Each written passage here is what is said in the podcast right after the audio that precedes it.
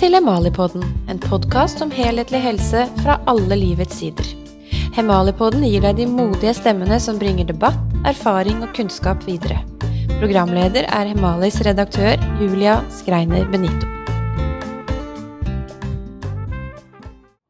Advokatene Barbro Paulsen og Adara Ryum Høeg, det er en usannsynlig stor glede å ha dere med i Hemalipodden.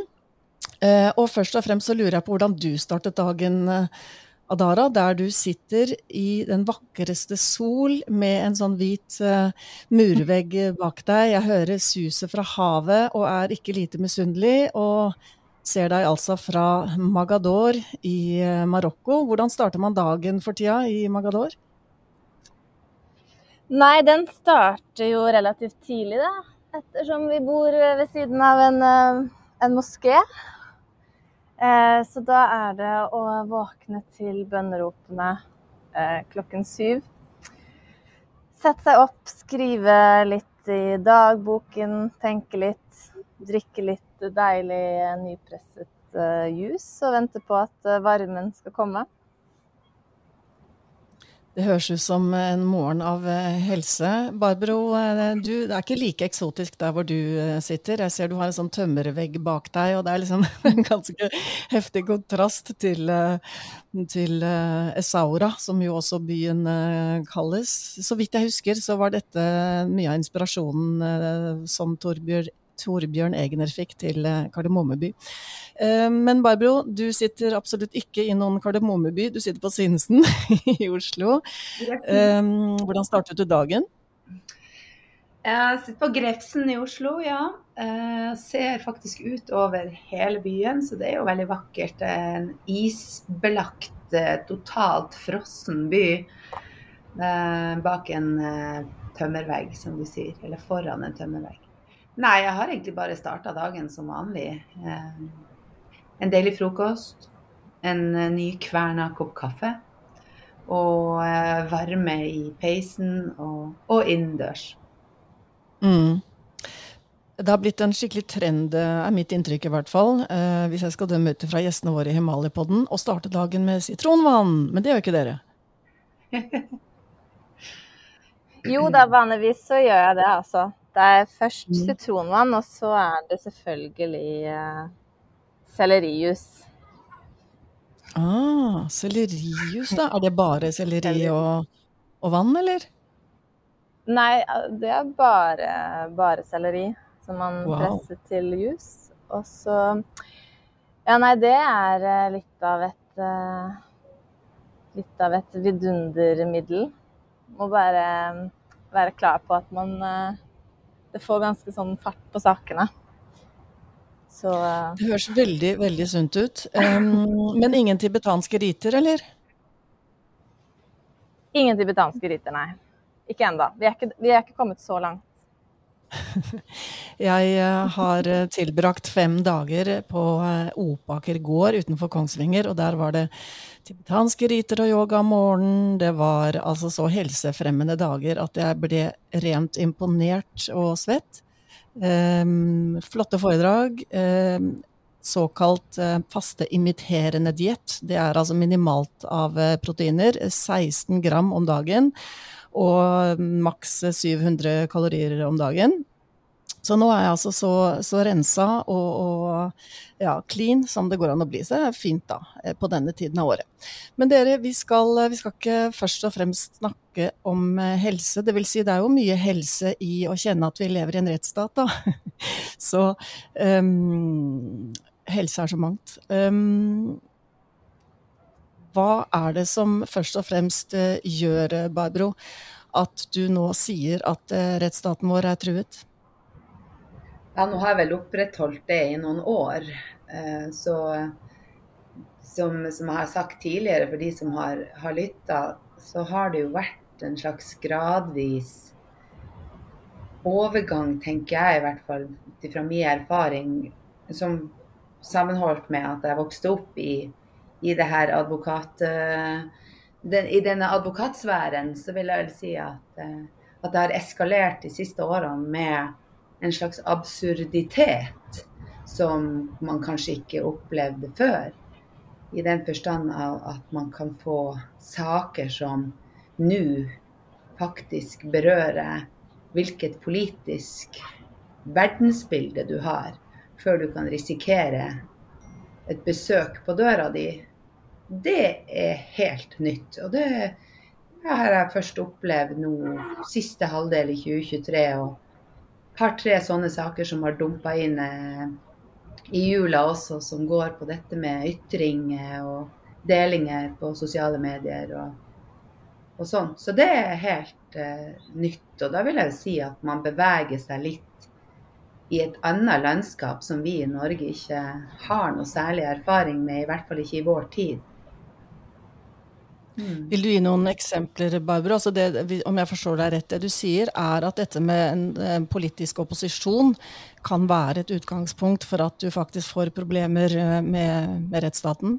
Politisk men, um, snevert, men hvis dere heller dra den ut og si at hvilket verdensbilde du har, da. Eh, og da tenker jeg på selvfølgelig Det starta med Haaland-saken, som, som, er godt omtalt, som mange kjenner til.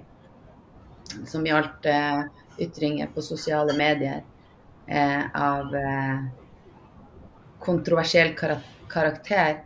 Men vi har jo fått inn eh, barnevernssaker nå som går direkte på postinger på Facebook. Og det at barnevernstjenesten mener den må inn og sjekke at foreldrene ikke sprer sine synspunkter til barna sine. Det er blitt barnevernsmat, og det syns jeg er utrolig bekymringsfullt. Adara, um, hva er det du ser som gjør at du um, er så engasjert rundt disse temaene? Ja Nei, um, det henger jo sammen med med mine tanker om, om, hvilket samfunn vi vil ha, og hvordan det skal være å være menneske. Og hva som er et berikende og godt liv. Og det tenker jeg det er en sånn styrke at folk er forskjellige. Og at uh, folk har forskjellige synspunkter, og at uh, vi kan leve sammen i, i, det som vi ofte liker å snakke om mangfold. Men, men det er noe med det da at at når det snakkes om mangfold i dag, så det, har vi liksom glemt den mangfoldet av meninger og, og måter å se virkeligheten på. Um, det er jo ikke sånn at jeg syns det er noe sånn artig i seg selv å måtte jobbe med disse sakene. Uh, fordi jeg kunne ønske at det ikke fantes. At dette her ikke skulle være sånn at man trengte advokat for å bare være et individ. Um, men, men det ser vi jo når, liksom, når, man først begynner å bevege seg inn i det, da, så ser man det jo mer og mer, sånn som Barbro sier, at, eh, at ulike offentlige instanser ja, hva skal man si, nærmest brukes da, mot mennesker som har litt andre syn på ting. F.eks. barnevernet. Eller psykisk helsevern. Og det finnes også sikkert flere um, som gjør det. Det, det, er jo, det er jo ikke sånn vi har lyst til å ha det, rett og slett. Og du mener at det har vært en forverring også? Det er ikke så godt å si. Um, men f.eks. det med helse, det er ganske betent i Norge. Liksom hva man mener om helse. Uh, vi har jo såkalt fritt helsevalg og sånn, men det er jo litt mer sånn på papiret. Selvfølgelig pandemien og alt det rundt det med vaksiner og uh, sånne type ting. Det satt jo dette på spissen, men, men man ser jo også i andre tilfeller, f.eks. den babygrøtdebatten. Det er sånne herre eh, mødre som er på, på, sosiale medier og snakker om hjemmelaget babygrøt. Ikke sant? Og så kommer liksom helsemyndigheten inn og lager mye oppstyr, og at det, det er så bekymringsverdig at folk ikke lenger hører på helsemyndighetene og helsestasjonene.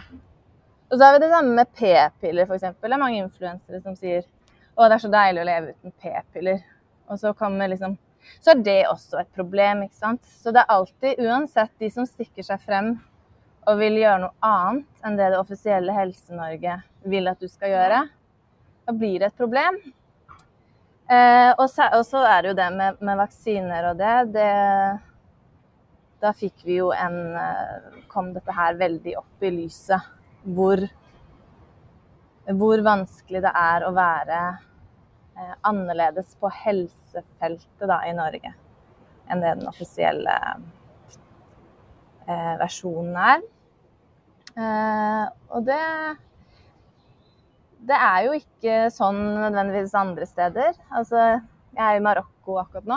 Og det er sånn er interessant når man kommer ut i verden, liksom ut av sitt eget land, og ser hvordan man tenker fort liksom, når man er hjemme eller er i et land, at sånn er ting. Men så er plutselig ting helt annerledes. da. Sånn folk som vi har møtt på her, hvis du har kommet inn på dette her med pandemien, selvfølgelig, for det er jo fortsatt ferskt. Eh, og da får vi liksom applaus og klapp på skulderen og gratulerer liksom hvis man sier at man er vaksinefri. Det er veldig annerledes enn eh, i Norge, hvor det på en måte med en gang blir litt kleint og litt sånn uh, eh, OK. så, så, det er veldig i, I Norge så har vi Vi har litt utfordringer med dette. Med at folk gjør andre ting. Og så forplanter dette her seg inn i rettslige spørsmål. Så du har masse forskjellige saker med folk som ikke vil ha gått med munnbind, folk som ikke vil ta PCR-tester, folk som ikke vil la seg vaksinere, folk som ikke vil følge smittevernanbefalingene. Eh, anbefalingene. og så kommer alt dette her inn i rettsapparatet, da. Så det er jo det vi ser nå. Og dette, og dette blir jo veldig konkret vist ved at eh, ytterst, ytterst få av dem som søker eh, Norsk pasientskadeerstatning om erstatning i forbindelse med vaksineskader etter koronaen, får det. Så mm, der ser vi det, og vi ser det, som dere påpeker, på mange fronter. Og den saken som er særlig aktuell for dere nå, det er jo saken til sykepleier Iris Froe, eh, trebarnsmor, som først i tingretten i Hamar kommune vel tapte på så å si alle fronter, men som i lagmannsretten i det minste vant fram på det eh, punktet som gjaldt usaklig oppsigelse. Og bakgrunnen her, vi har jo skrevet en del om det i Hemali. Vi mener jo at dette er en prinsipiell meget viktig sak, og derfor har vi gjort det. Um, og bakgrunnen er altså at uh, Iris Froe mente seg diskriminert og forskjellsbehandlet i forbindelse med at hun var uvaksinert jobbet som sykepleier og ikke ville være den eneste som gikk med munnbind, annet. Um, og nå, dere, nå, er dere i ferd med å sende inn en skriftlig uh, søknad om anke til Høyesterett. Og, og, det gjelder da som først og fremst saksomkostningene, for det var så slik det var at hun ble idømt uh, ja, i, i, sum er det vel nærmere ja, ca. en halv million som Iris Froe må ut med. Men dette med at uh, man delvis vinner fram i lagmannsretten og likevel blir idømt motparten, så i, denne, i dette tilfellet Hamar kommunes saksomkostninger, det er uvanlig, er det ikke det? Altså, jeg har jo ikke noe statistikk, men tvisteloven er jo tydelig på at dersom man vinner frem av, vikt, altså av betydningsfull karakter så skal unntaket komme eh, altså Det blir jo ikke et unntak heller, for du har vunnet delvis frem. Det er at sakskostnadene skal deles. Men det som er Det som på en måte gjør at man reagerer ekstra sterkt, er selvfølgelig enorm økonomisk eh, trøkk for Iris, som eh, som eh, har småbarnsfamilie og alt det det medfører, og den tøffe tida vi går igjennom nå, så er det faktisk eh, knusende for en familieøkonomi å måtte stå til ansvar for alle sakskostnadene utelukkende for å få lov å prøve sin sak. Så eh, det at retten her har sagt at det ikke har, har særlig betydning for henne, syns jeg både er utrolig arrogant, men jeg syns også eh, det at en ting, Man skal jo selvfølgelig se på Hamar kommune som en arbeidsgiver og ikke en kommune i dette tilfellet, men det er nå en kommune. Og, og det at en så sterk part, at Iris da skal dekke dens sakskostnader, er helt urimelig. Og også sånn som jeg mener det, jeg skal ikke snakke for Adara, men etter min oppfatning så er det i strid med tvisteloven. Det er i strid med Eh, de rettssikkerhetsgarantiene som vi har i Norge. At vi har en domstol der folk skal få prøvd sin sak Men her har du en noe punitiv karakter. At hun straffes rett og slett fordi at hun våger seg å, å stille det spørsmålet. Så det er sånn du tolker det? Ja, det er helt klart sånn jeg tolker det. Eh, vi er, jeg og Adara vi er to forskjellige advokater. Eh, jeg bruker å fleipe med at hvis du setter eh, halv, halvparten av hjernen vår sammen mot hverandre, så har du et komplett advokathode. Men altså, advokateri er jo mye mer enn bare å skrive prosesskriv. Det handler jo også om hvordan man tenker. Og jeg kanskje tør å være kreativ innenfor den ganske så smale ramma man har innenfor det yrket her. Men eh, jeg vil egentlig Ja, Adara har jo sine synspunkter, men jeg tror nok vi er sånn overordna sett er enige om at det her er urimelig. Klart urimelig. Hvem, hvem av dere er den kreative? Vi er begge kreative. Det er vi, Begges rolle er å jekke den andre. det, det, det er altså hva Bergfruene driver med. Gratulerer med det, forresten. Deres nystartede mm, advokatselskap som altså heter Bergfruene. Bergfru, det er eh, Jeg hadde aldri hørt eh, om at det var en blomst før dere fortalte det. Det er en sånn urnorske blomst, er det det? Som til og med tåler berget? Ja, altså det her er jo en blomst som vokser ja, på, rett på berg. Eh, den krever nesten ikke jord og vokser høyt til fjells. Altså i eh, skrale omgivelser, så den klarer seg uten så mye. Så det er vel et godt bilde at man må bare lime seg fast i berget og stå støtt og blomstre der. Uansett om det måtte storme og regne og snø og mm. ja. Um, hva, hva, vil dere Adara, med Bergfruen? Altså jeg, altså jeg, forstår jo at det er et, et uh, advokatbyrå, men uh, dere har kanskje en overordnet uh, visjon? det har vi. Vi har mange visjoner, ja.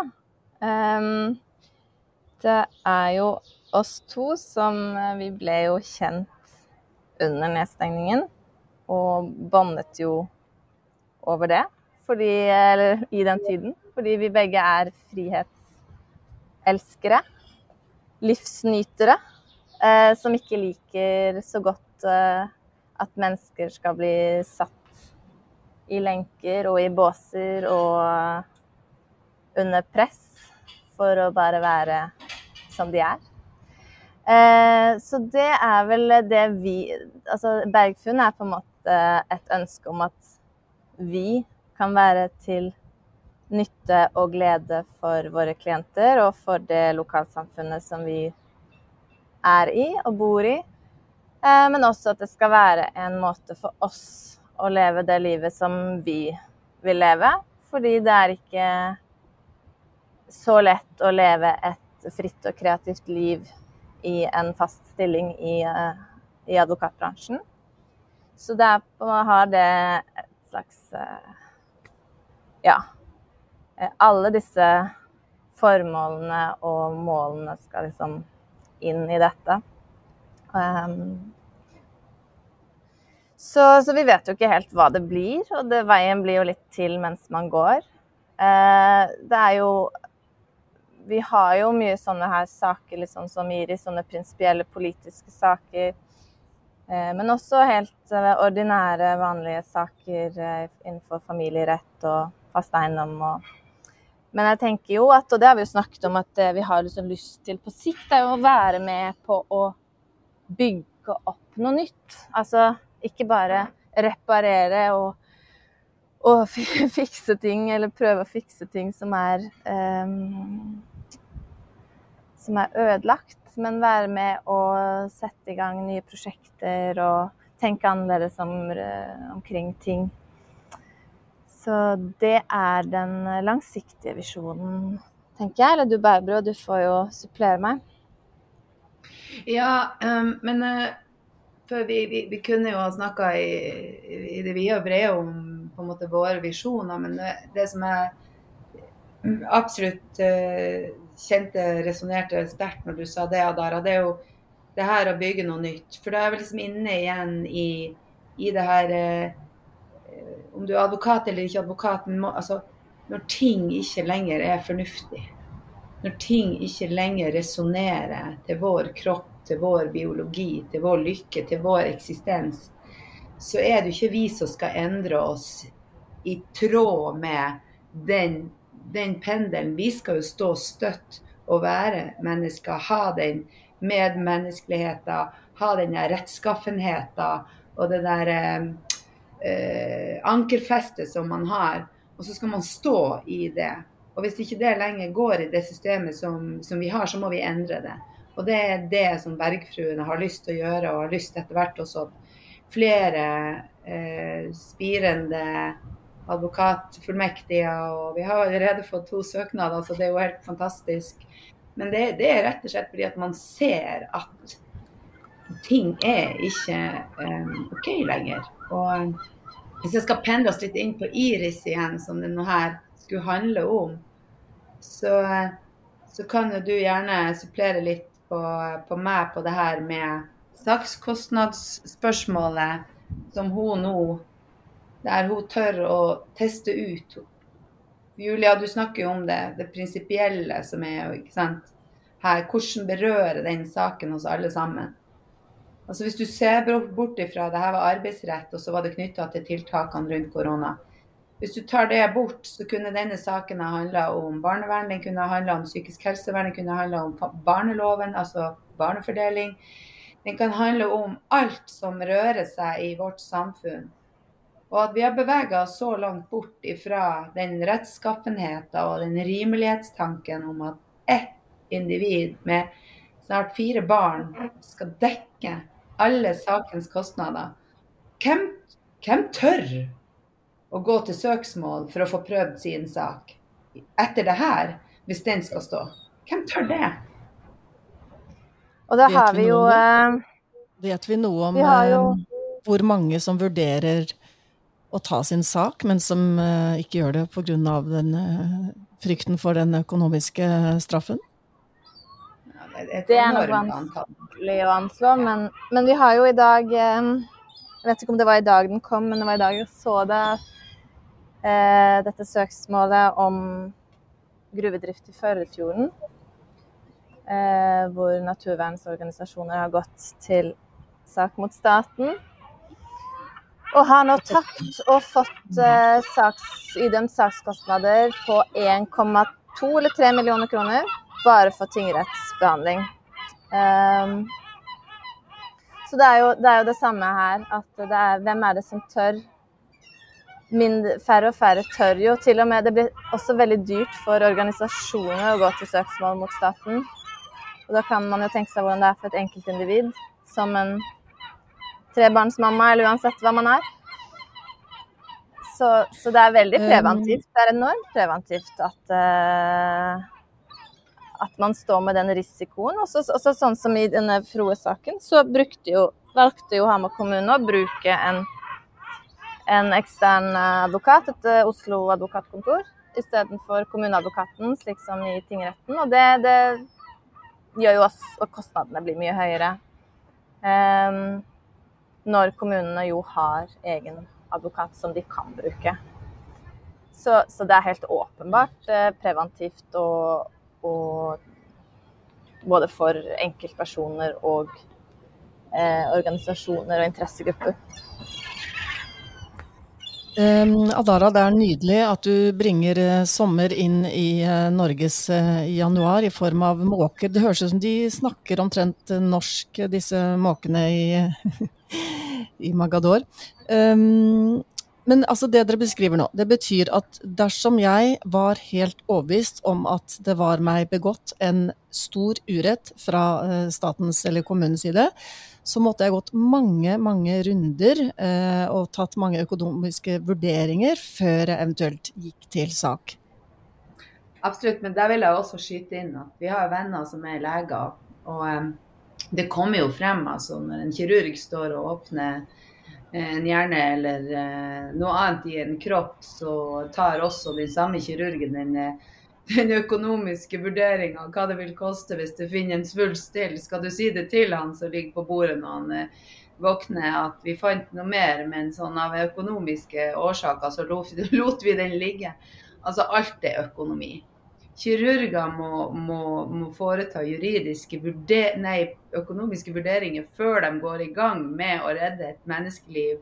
Advokater og jurister må ta eh, før du i det hele tatt kan begynne å, angripe det saken handler om, så må du inn og vurdere.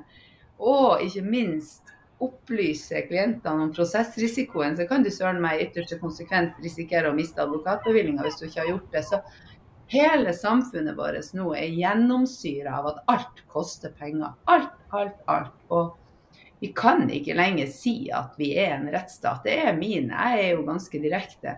Men du, du kan ikke lenger skryte på deg noen rettsstatsstatus i Norge når det har blitt sånn her.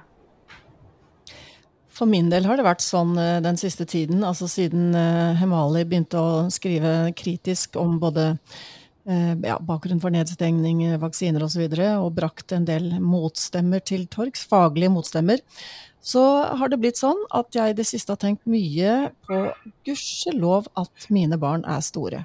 Jeg vet ikke om jeg ville tatt sjansen på å formidle det vi gjør i Hemali om jeg hadde små barn. Altså rett og slett i frykt for eh, at eh, barnevernet ikke nødvendigvis liker annerledestenkende. Nå skal ikke jeg skjære alle under en kam og si at alle som jobber i barnevernet er snevre, men um, det har vært noen stygge eksempler i det siste på hvor lite som skal til før du blir um, ja, innkalt til møte.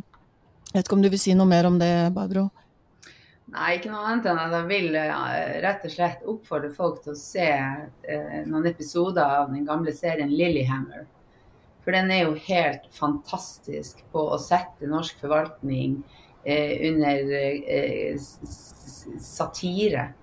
Eh, når, eh, når amerik den amerikanske mafialederen kommer til Norge og da får eh, to barn og blir innkalt til barnevernskontoret, hvor eh, den barnevernsansatte blir bare båret ut av lokalet med, av skinnvestene som han hadde. Vet du, Jeg flirte så godt da, for jeg tenker med det jeg i hvert fall har opplevd innenfor den etaten, og jeg er helt enig med deg, Julia, det er masse gode folk som jobber i barnevernet. Virkelig. Men det er jo disse enhetslederne ofte som sitter på toppen og bestemmer hvordan det skal være. Men det der eh, byråkratiet er blitt så stort. Vi ser jo ikke hverandre i øynene lenger. Man sitter altså over seks brev og diskuterer hva folk har sagt. Og så må man sitte i seks timer og gjøre det samme for å motbevise en rapport som kommer. Så det er jo liksom, som Adara sa i sted, vi har jo bevega oss helt bort fra det å se hverandre i øynene og, og, og tørre å melde noen inn eh, på så tynt grunnlag. Så kan man jo søren meg tørre å stille opp på et møte og se, se folk i øynene når man eh, Altså, det, det, se Lillehammer, for den, den, virkelig var fra ei tid der man i alle fall kunne harselere litt og, og se på hvordan ting faktisk fungerer i et komisk perspektiv. Det jeg mener vi ser, eh, og dette har virkelig forverret seg, syns jeg jo har sett de siste årene, det er jo at uansett hvor mange gode intensjoner, uansett hvor godt, solid lovverk vi har, hvor mange flotte mennesker med den beste, beste ja, mening, da, eh, som går inn i om det er byråkrati eller politikk, så er det noe strukturelt. Det er noe med om det er overnasjonale organer eller nasjonale direktiver, EU. Altså rett og slett en sånn systemgreie som gjør at eh, etikken, eh, det mellommenneskelige, varmen, omsorgen, at det, det later til å forsvinne. Og jeg tenkte på det forleden da jeg hørte på Erna Solberg i eh, Stortinget, som Altså, jeg, jeg, trodde ikke mine egne ører i forbindelse med denne debatten rundt endringer i smittevernloven, hvorvidt eh, Stortinget skal involveres eller ei. Og da ble det jo dessverre slik, eh, vil jeg si, at eh, man altså i fremtiden, byråkratiet og våre politikere, kan gå veien utenom Stortinget i spørsmål som gjelder kriser, nedstengning, isolasjon osv. Vaksinering også, vil jeg tro. Jeg hadde aldri trodd at jeg skulle høre eh, en eh, politiker si igjen og igjen og igjen fra talerstolen i Stortinget at uh, konspirasjonsteorier og konspiratoriske tanker og Gud forby. Altså, hun snakket jo så til de grader på en måte som bare styrker polarisering, styrker hat, styrker splid framfor å gjøre det en politiker skal gjøre, nemlig bidra til uh, forståelse, broer, uh, og forene oss. Du snakket i sted Adara, om dette med bås. Jeg syns det var en av de verste eksemplene jeg har sett på mm. nettopp å putte folk i bås. Ja, vi er veldig gode på dette her eh, i Norge. Um, det er litt vanskelig å si når og hvor det kommer fra. Om det er noe gammelt eller Men eh, man ser det jo så lett bare man beveger seg litt utenfor. Uh, og, og det, her, altså det, med den saken som vi jo snakker om i dag, altså Iris Froe-saken eh, Hvor hun fikk da beskjed om å ta sånne to engangstester. Eh, I motsetning til de som hadde vaksinert seg. Og så konfronterte hun sin, sin ledelse med at dette mente hun var medisinskfaglig uheldig. Og, og allerede på det tidspunktet så var det jo veldig mye forskning på, på det. At det var veldig uheldig med, med, disse vaksinene. Og det var ingen eh, forskning på at de forhindret smitte. Eh, og heller ikke at disse her engangstestene var noe særlig test. Men allikevel så blir dette her så problematisk for arbeidsgiver å forholde seg til en arbeidstaker som sier noe annet. Sånn som jeg ser det, at hun rett og slett må sies opp fordi hun er for trøblete å ha noe med å gjøre. Det er egentlig det jeg tenker. Jeg tenker at det ikke har noe medisinskfaglig begrunnelse i det hele tatt. For hun ble jo tilbudt eh, jobb som vaksinatør. Eh, som nettopp viser at det her var jo ikke Det, hadde ikke noe smittevernfaglig begrunnelse hvis de mente at hun kunne sitte der og vaksinere eh, altså, hvem som helst, også folk i risikogruppen. Det var rett og slett egentlig en represalie for å være For å mene noe annet og for å tørre å si imot og si at deres faglige vurderinger holder ikke mål her. Og så vil jeg jo supplere litt, ja, der, akkurat det Jo, jeg skulle bare si at liksom det, det, her henger jo altså igjen veldig sånn Det har ikke bare noe med, med denne saken å gjøre, det har i det hele tatt med liksom, hvor vanskelig det er å si noe annet um, i uh, dette landet her. Og da må vi liksom også huske på uh, hvor mange hvor over hvor lang tid og, og, med hvor mange penger altså legemiddelfirmaer har på en måte groomet oss da, i forhold til hva som er bra for helsen vår. Det vil jeg bare si. Barbro? Ja. Ja, ja, ja. Eh, nei, altså, for, for jeg, jeg, må understreke for de som ikke har gått i dybden på denne saken, at eh, Iris har fremlagt tung dokumentasjon og brukt professorer og leger som vitner, som har dokumentert at det var ingen videresmittefaglig eh, Altså ingenting. Det var det motsatte som, som faktisk er fremlagt. Og kommunen har ikke fremlagt noe som helst kontradiktive eh, forskninger enda. Og jeg må jo også understreke at Iris nekta jo heller ikke tiltakene. Hun ba om en medisinskfaglig tilbakemelding på hvorfor hun skulle forskjellsbehandles. Hun nekta aldri på, på Hun var jo med i hele 2020-pandemien, liksom hovedpandemien. Da jobba jo hun full tid som sykepleier og gjorde en fantastisk jobb og har en plettfri vandel eh, som sykepleier, bare gode skussmål. Fordi hun har jo også smittevernfaglig spesialkompetanse. Hun jobba på testsenter. Så hun etterspurte jo kun Eh, dokumentasjon, fordi hun hadde gjort egenarbeidet med å sette seg inn i dokumentasjonen sjøl. Men vi fikk, her vi sitter nå, så har kommunen enda ikke framlagt noe som helst som viser at hun var til større fare for å smitte noen andre enn de som var vaksinert. Vi har fremlagt motsatt dokumentasjon fra bl.a. Eh, vitnene som har vært inne, professor og lege, overlege Halvor Næss, har fremlagt glimrende dokumentasjon. Charlotte Haug, med den forskninga de gjorde i 2020, er fremlagt. Og Mette Kallager har jo også skrevet enormt mye om det her. Så det jeg syns er utrolig problematisk, og det er det som også gjør det så prinsipielt, det er at når du faktisk fremlegger dokumentasjon som sier det motsatte, og ikke får noe dokumentasjon tilbake, så holder man likevel fast på, på den sannheten. Og det ser man i mange rettsområder nå. Det ligner jo veldig på det vi ser i forbindelse med mm, søknader om erstatning eh, etter eh, vaksineskader. For så vidt jeg har forstått, eh, så er det jo ikke du som vaksineskadet, som du hevder at du er, da, så er det ikke du som skal bevise sammenheng, men det er altså motpartene som skal bevise at vaksinen er trygg, og at ja, bevisbyrden rett og slett er blitt snudd, da, så vidt jeg har forstått. Eh, men ehm, jeg var jo til stede under prosedyrene og, og jeg hørte de ulike sakkyndige i Hamar i tingretten.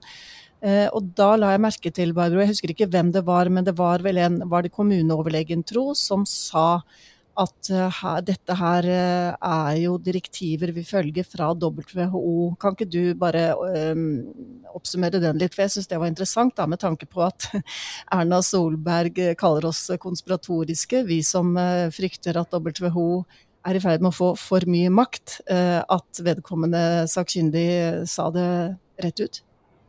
Ja, det var jo fra Helsedirektoratet. og eh, Hun heter Skrindo sitt eh, vitnemål, der hun uttalte at eh, når jeg spurte hvem norske myndigheter svarer til, og, og, hvor er det den dokumentasjonen som Helsedirektoratet legger til grunn når de lager sine retningslinjer.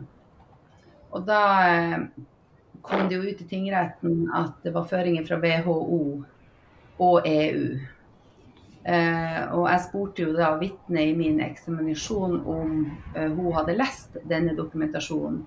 Og da henviste hun til FHI som fagmyndighet og sa at hun hadde sett dokumentasjonen, ikke lest den, for det var ikke hennes ansvar. Så jeg spurte jo hun da om denne dokumentasjonen kunne bli oversendt. For det er jo den eneste dokumentasjonen som, som Iris har etterspurt hele veien. Og da sa hun ja til det spørsmålet, men kommunen har altså ikke fremlagt denne dokumentasjonen fra WHO eh, den dag i dag. Jeg nevnte mm, Erna Solberg i sted i forbindelse med denne mm, debatten i Stortinget. Og jeg la merke til at um, også Aftenposten da på lederplass applauderer det faktum at hun såkalt tok et oppgjør med konspirasjonstanker og konspirasjonsteorier osv. Så, videre.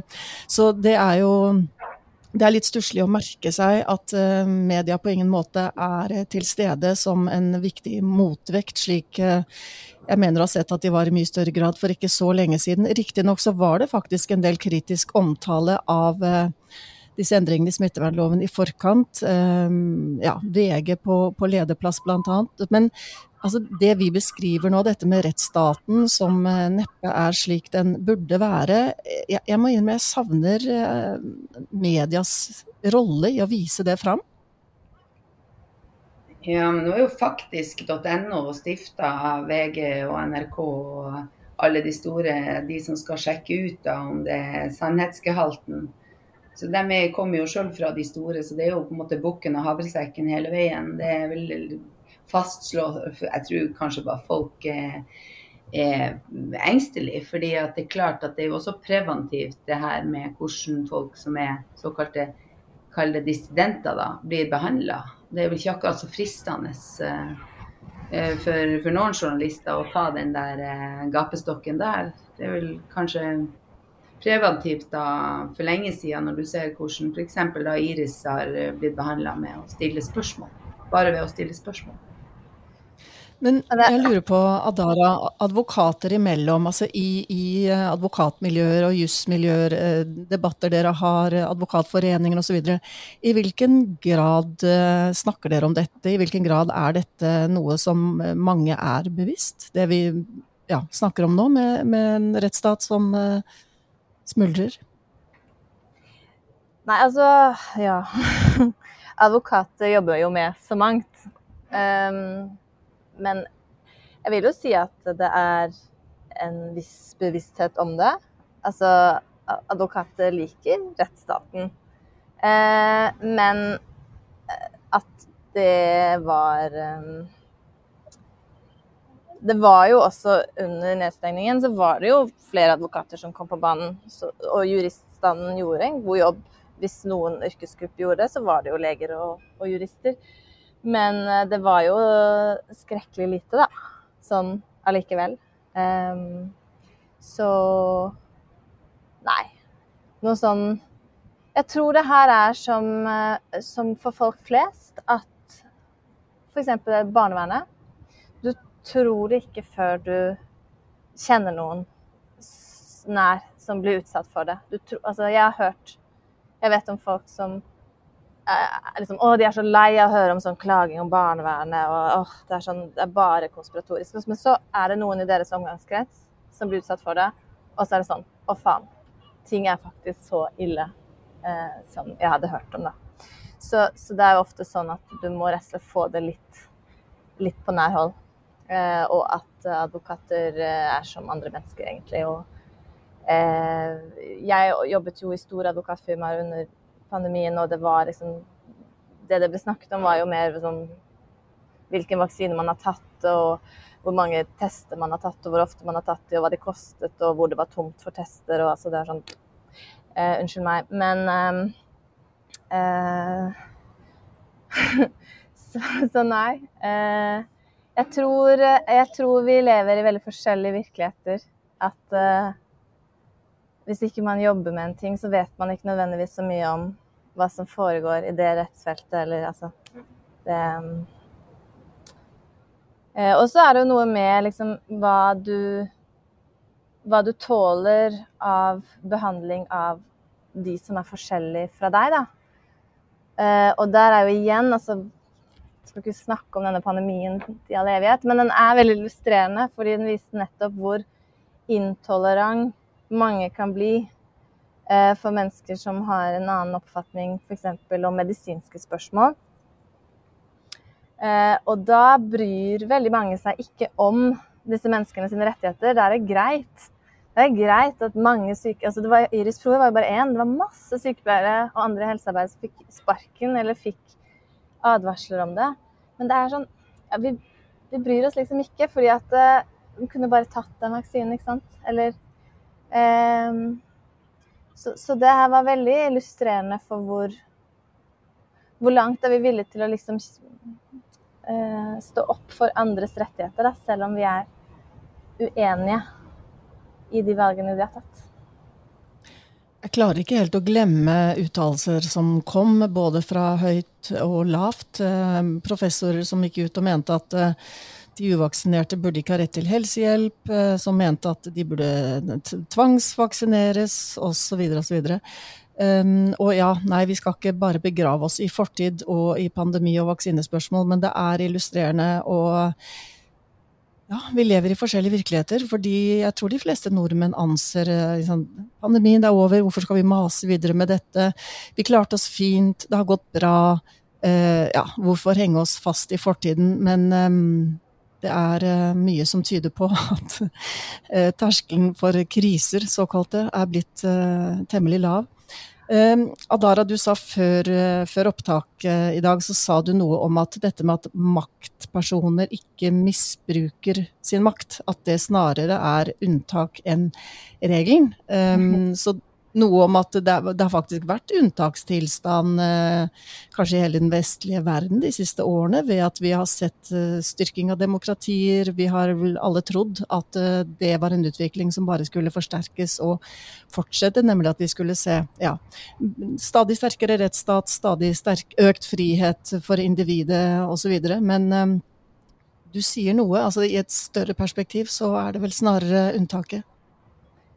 Ja, det er jo det. I en sånn Hvis vi ser liksom zoomer litt ut på historien, så har vi jo levd eh, de siste 100 årene, kanskje. Altså en utvikling fra, fra midten av 1800-tallet eller begynnelsen av 1800-tallet Um, og den det, det sier seg ikke selv at det, det skal vedvare. Det er jo noe med oss mennesker at vi har jo en tendens til å overdrive. Altså det kom gode reguleringer, gode lover som gjorde det bedre for alle å leve i et samfunn.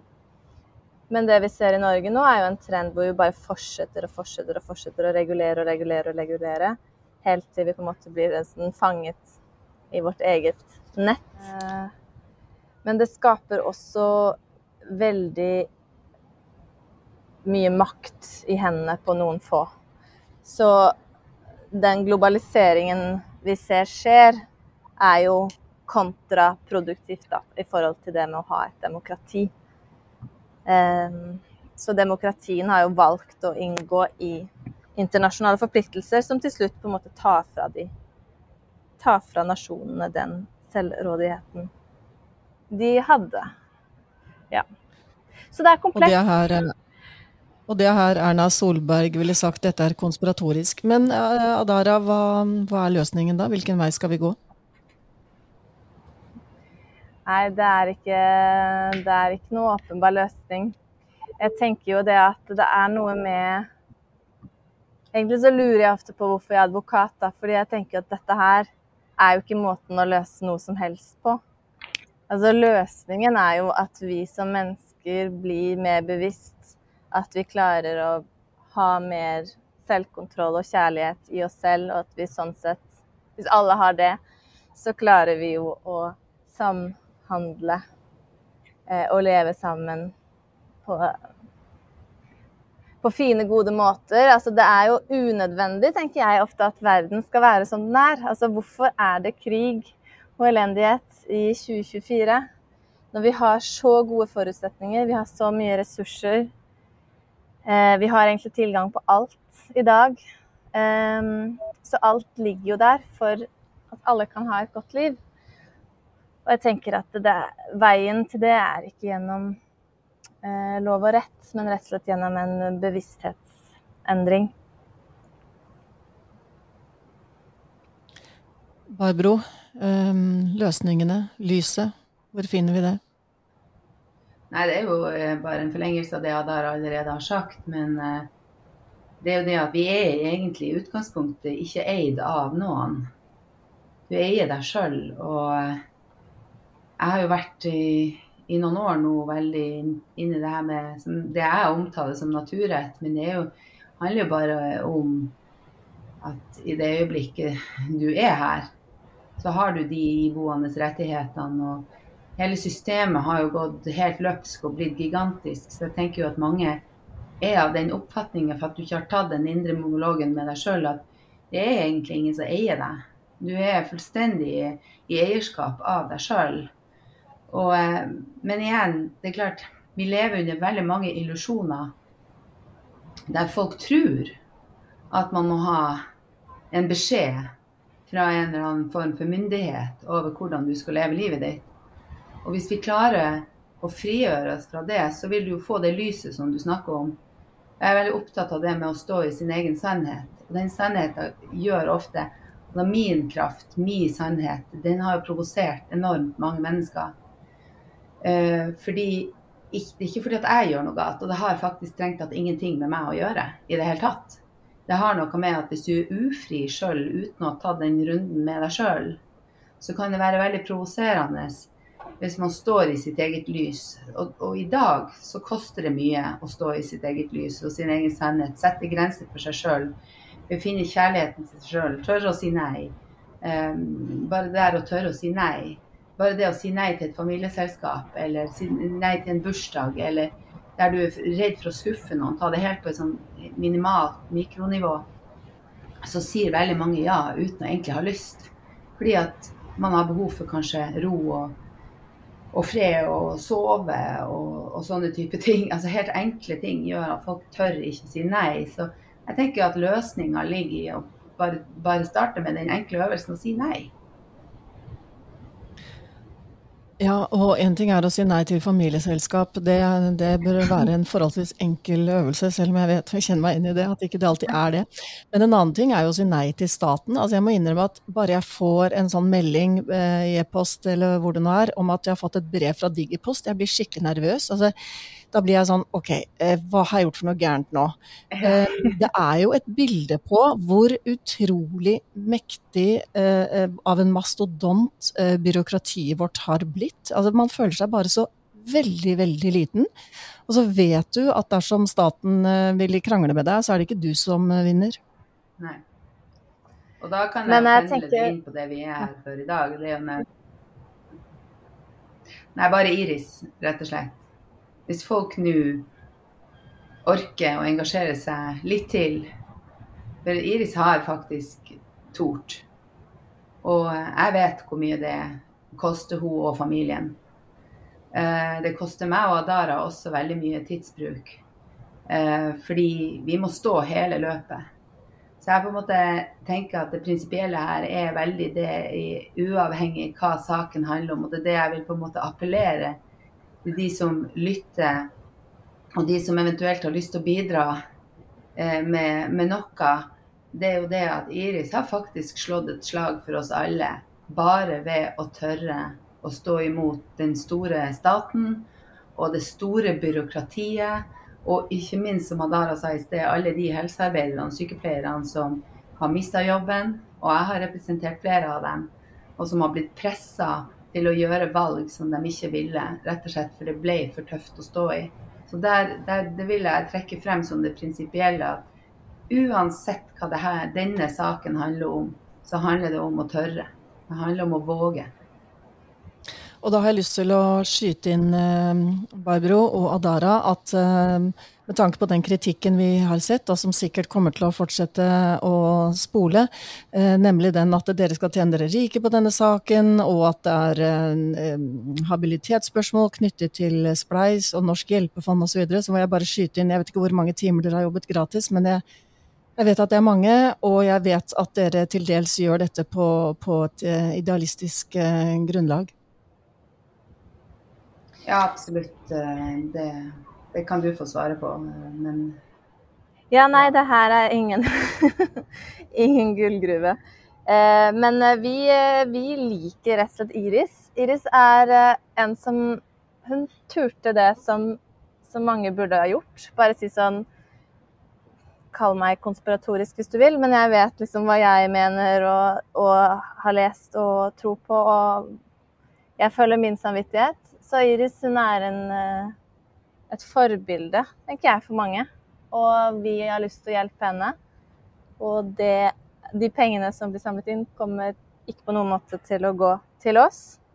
Det er eh, masse som gjenstår. Altså, det var jo en spleis tidligere for å dekke tingrettens kostnader. Eh, men det gjenstår mye som Iris skal betale. Og hvis det skulle gå kjempebra og det kommer masse penger inn, så vil de pengene stå på konto eh, i Norsk hjelpefond og være tilgjengelig for andre som måtte trenge juridisk bistand i eh, saker med, med offentligheten. Altså trenger ikke være noe relatert, pandemirelatert. Det kan være hva som helst. så det, det hadde vært kjempefint, men i første omgang så, så alle, alle pengene kommer til å gå til, eh, til Iris og til ja, Hamar kommune for at hun uh, turte å gjøre det her. Uh, og det er jo så, så viktig. ikke sant? Selv om, selv om man uh, taper denne saken, så er det en kjempeviktig sak. At, uh, at noen sier ifra. Ja. Så uh, Apropos habilitet, Hvis du kan fem kroner, er det mer enn ingenting. Det er egentlig det, er viktig. Altså, det er liksom alt. Alt hjelper. Og um, ja, hun har jo Hun har mange barn, og hun Det er, som Barbro sier, det er virkelig tungt og tøft å stå igjen med denne regningen eh, som, eh, som hun jo gjør. Da Men jeg, vi håper jo at det skal gå bra. Jeg Jeg eh, har lyst til å legge til da at ved å støtte Iris, så kan vi håpe og tro at du også støtter rettsstaten og styrker rettsstaten. For dette overordnet så gjelder det oss alle. det kan være vi en dag som står Oi, nå var det noe som krøp ned i halsen min. Det kan være vi som en dag står der og um, dessverre må vurdere hvorvidt vi har råd til å ta vår sak for retten eller ikke. Jeg kan si, dere, Julia, ja. bare helt kort i forhold til mm. det her med ringvirkningen. Fordi det er jo fremlagt 500 sider med dokumentasjon fra, fra denne side i denne saken. Og nå, eh, Vi anka jo en annen sak om grenseforordning og PCR-test på den norske grensa.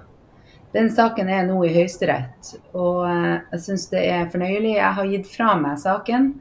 Fordi at jeg der har starta opp akkurat når saken skulle berammes for Høyesterett. Og det ville blitt en sånn enorm belastning for oss og opptatt all vår tid å, å gjøre den saken. Jeg har en god kollega, eh, Per Sjong, som, eh, som, har tatt den han ringte meg i dag.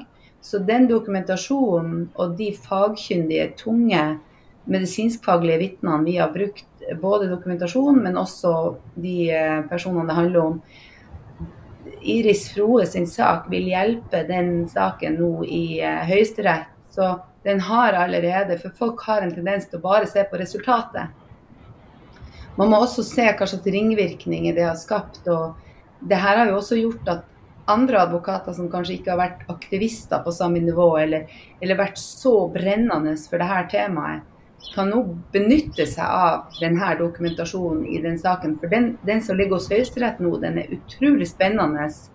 Eh, jeg kunne snakka i det vide og det brede om den, for den er bare enormt brennbar, den også. Og, og det, det, vil jeg si. Altså, det er ikke bare resultatet, men det arbeidet som er nedlagt i denne saken her, er helt enormt. Og jeg håper en dag at det kommer frem hva som faktisk har vært gjort, og hvor utrolig mange faglige som har trådt til og jobba også gratis for at vi skulle få det til.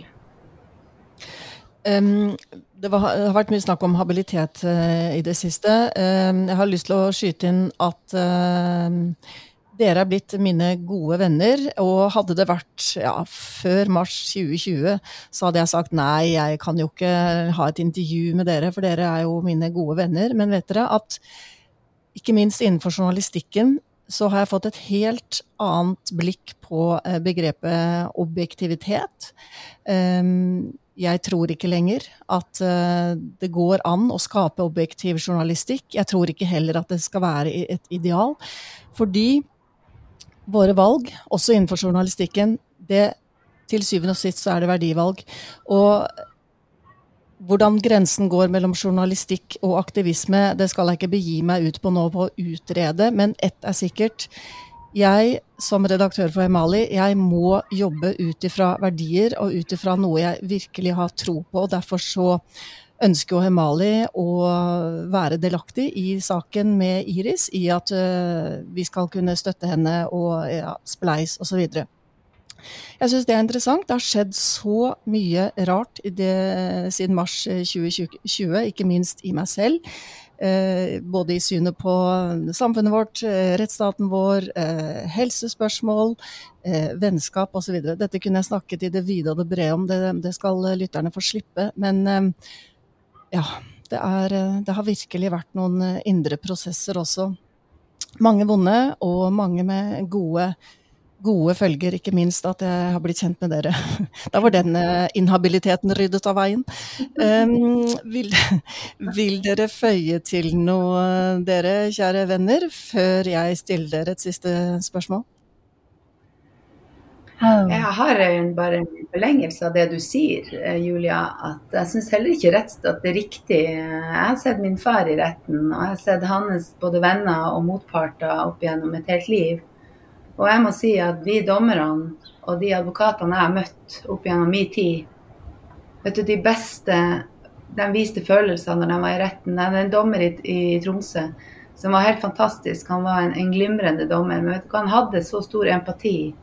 Og de dommene han skrev, var bra. Så jeg er helt uenig i at rettsstaten er kald. vi går inn med, med, det vi har med oss i, i verdisekken vår i alle saker. og Jeg har vært en motvekt til det, og også krangla mye med det etablerte i forhold til det når jeg var tenåring særlig.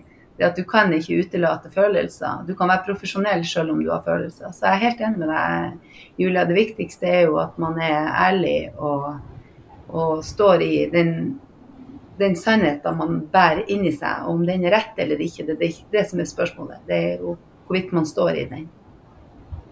Adara, hva er det enkeltgrepet du gjør for helsen som du har eh, skikkelig tro på? Jeg har jo hørt litt på podkasten Bortsett fra måkeskrik i eh, Marrakech, nei, i, i Marokko. Hva? Jeg har jo hørt litt på podkasten din før, da. Og hørt at det er, det er, mange gjester som klarer å snike inn flere punkter her. Så jeg lurer på om jeg skal være en av dem. Ja, det er ikke lov, egentlig. nei. Um, for helsen Du, eh, jeg uh, prioriterer uh, søvn så langt jeg kan. Fordi det er egentlig det jeg kjenner. Uh, at har man ikke sovet nok, så er det Så er ikke det noe godt. Men har man sovet godt, så er det veldig deilig for eh, kropp og sjel. Så det, det prioriterer jeg. Um, så jeg lyst til å si mange andre ting, men OK, skal la være.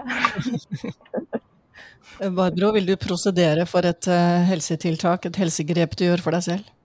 Uh, altså, Bergfruen er jo perfekt sånn sett. Uh, nå har jeg selvfølgelig litt, uh, enda litt små barn, og sånn, så jeg må jo opp tidlig. Og det er jo et mareritt for meg, for jeg er også utrolig glad i det med søvn. Og kjenner at hvis jeg spiser riktig og sover nok, så er det egentlig meste løst. Mm. Nydelig. Nydelig. Da fikk vi i hvert fall noen enkle løsninger der, om ikke det er like enkelt å fikse opp i den litt skakke rettsstaten og det litt rare samfunnet vårt for tida. Eh, tusen takk for at dere var med oss gjennom denne drøye timen i Hemalipodden. Eh, skal, vi, skal, vi, gå ut da med, med lys og lykt?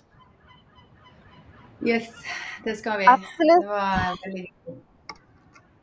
Ja, veldig hyggelig å bli eh, invitert, uh, Julia. Godt, godt. Da får du ta et bad uh, for oss, Adara. Og så får dere ha en fortreffelig dag fortsatt. Du også. Likeså. Ha det. Ha det godt.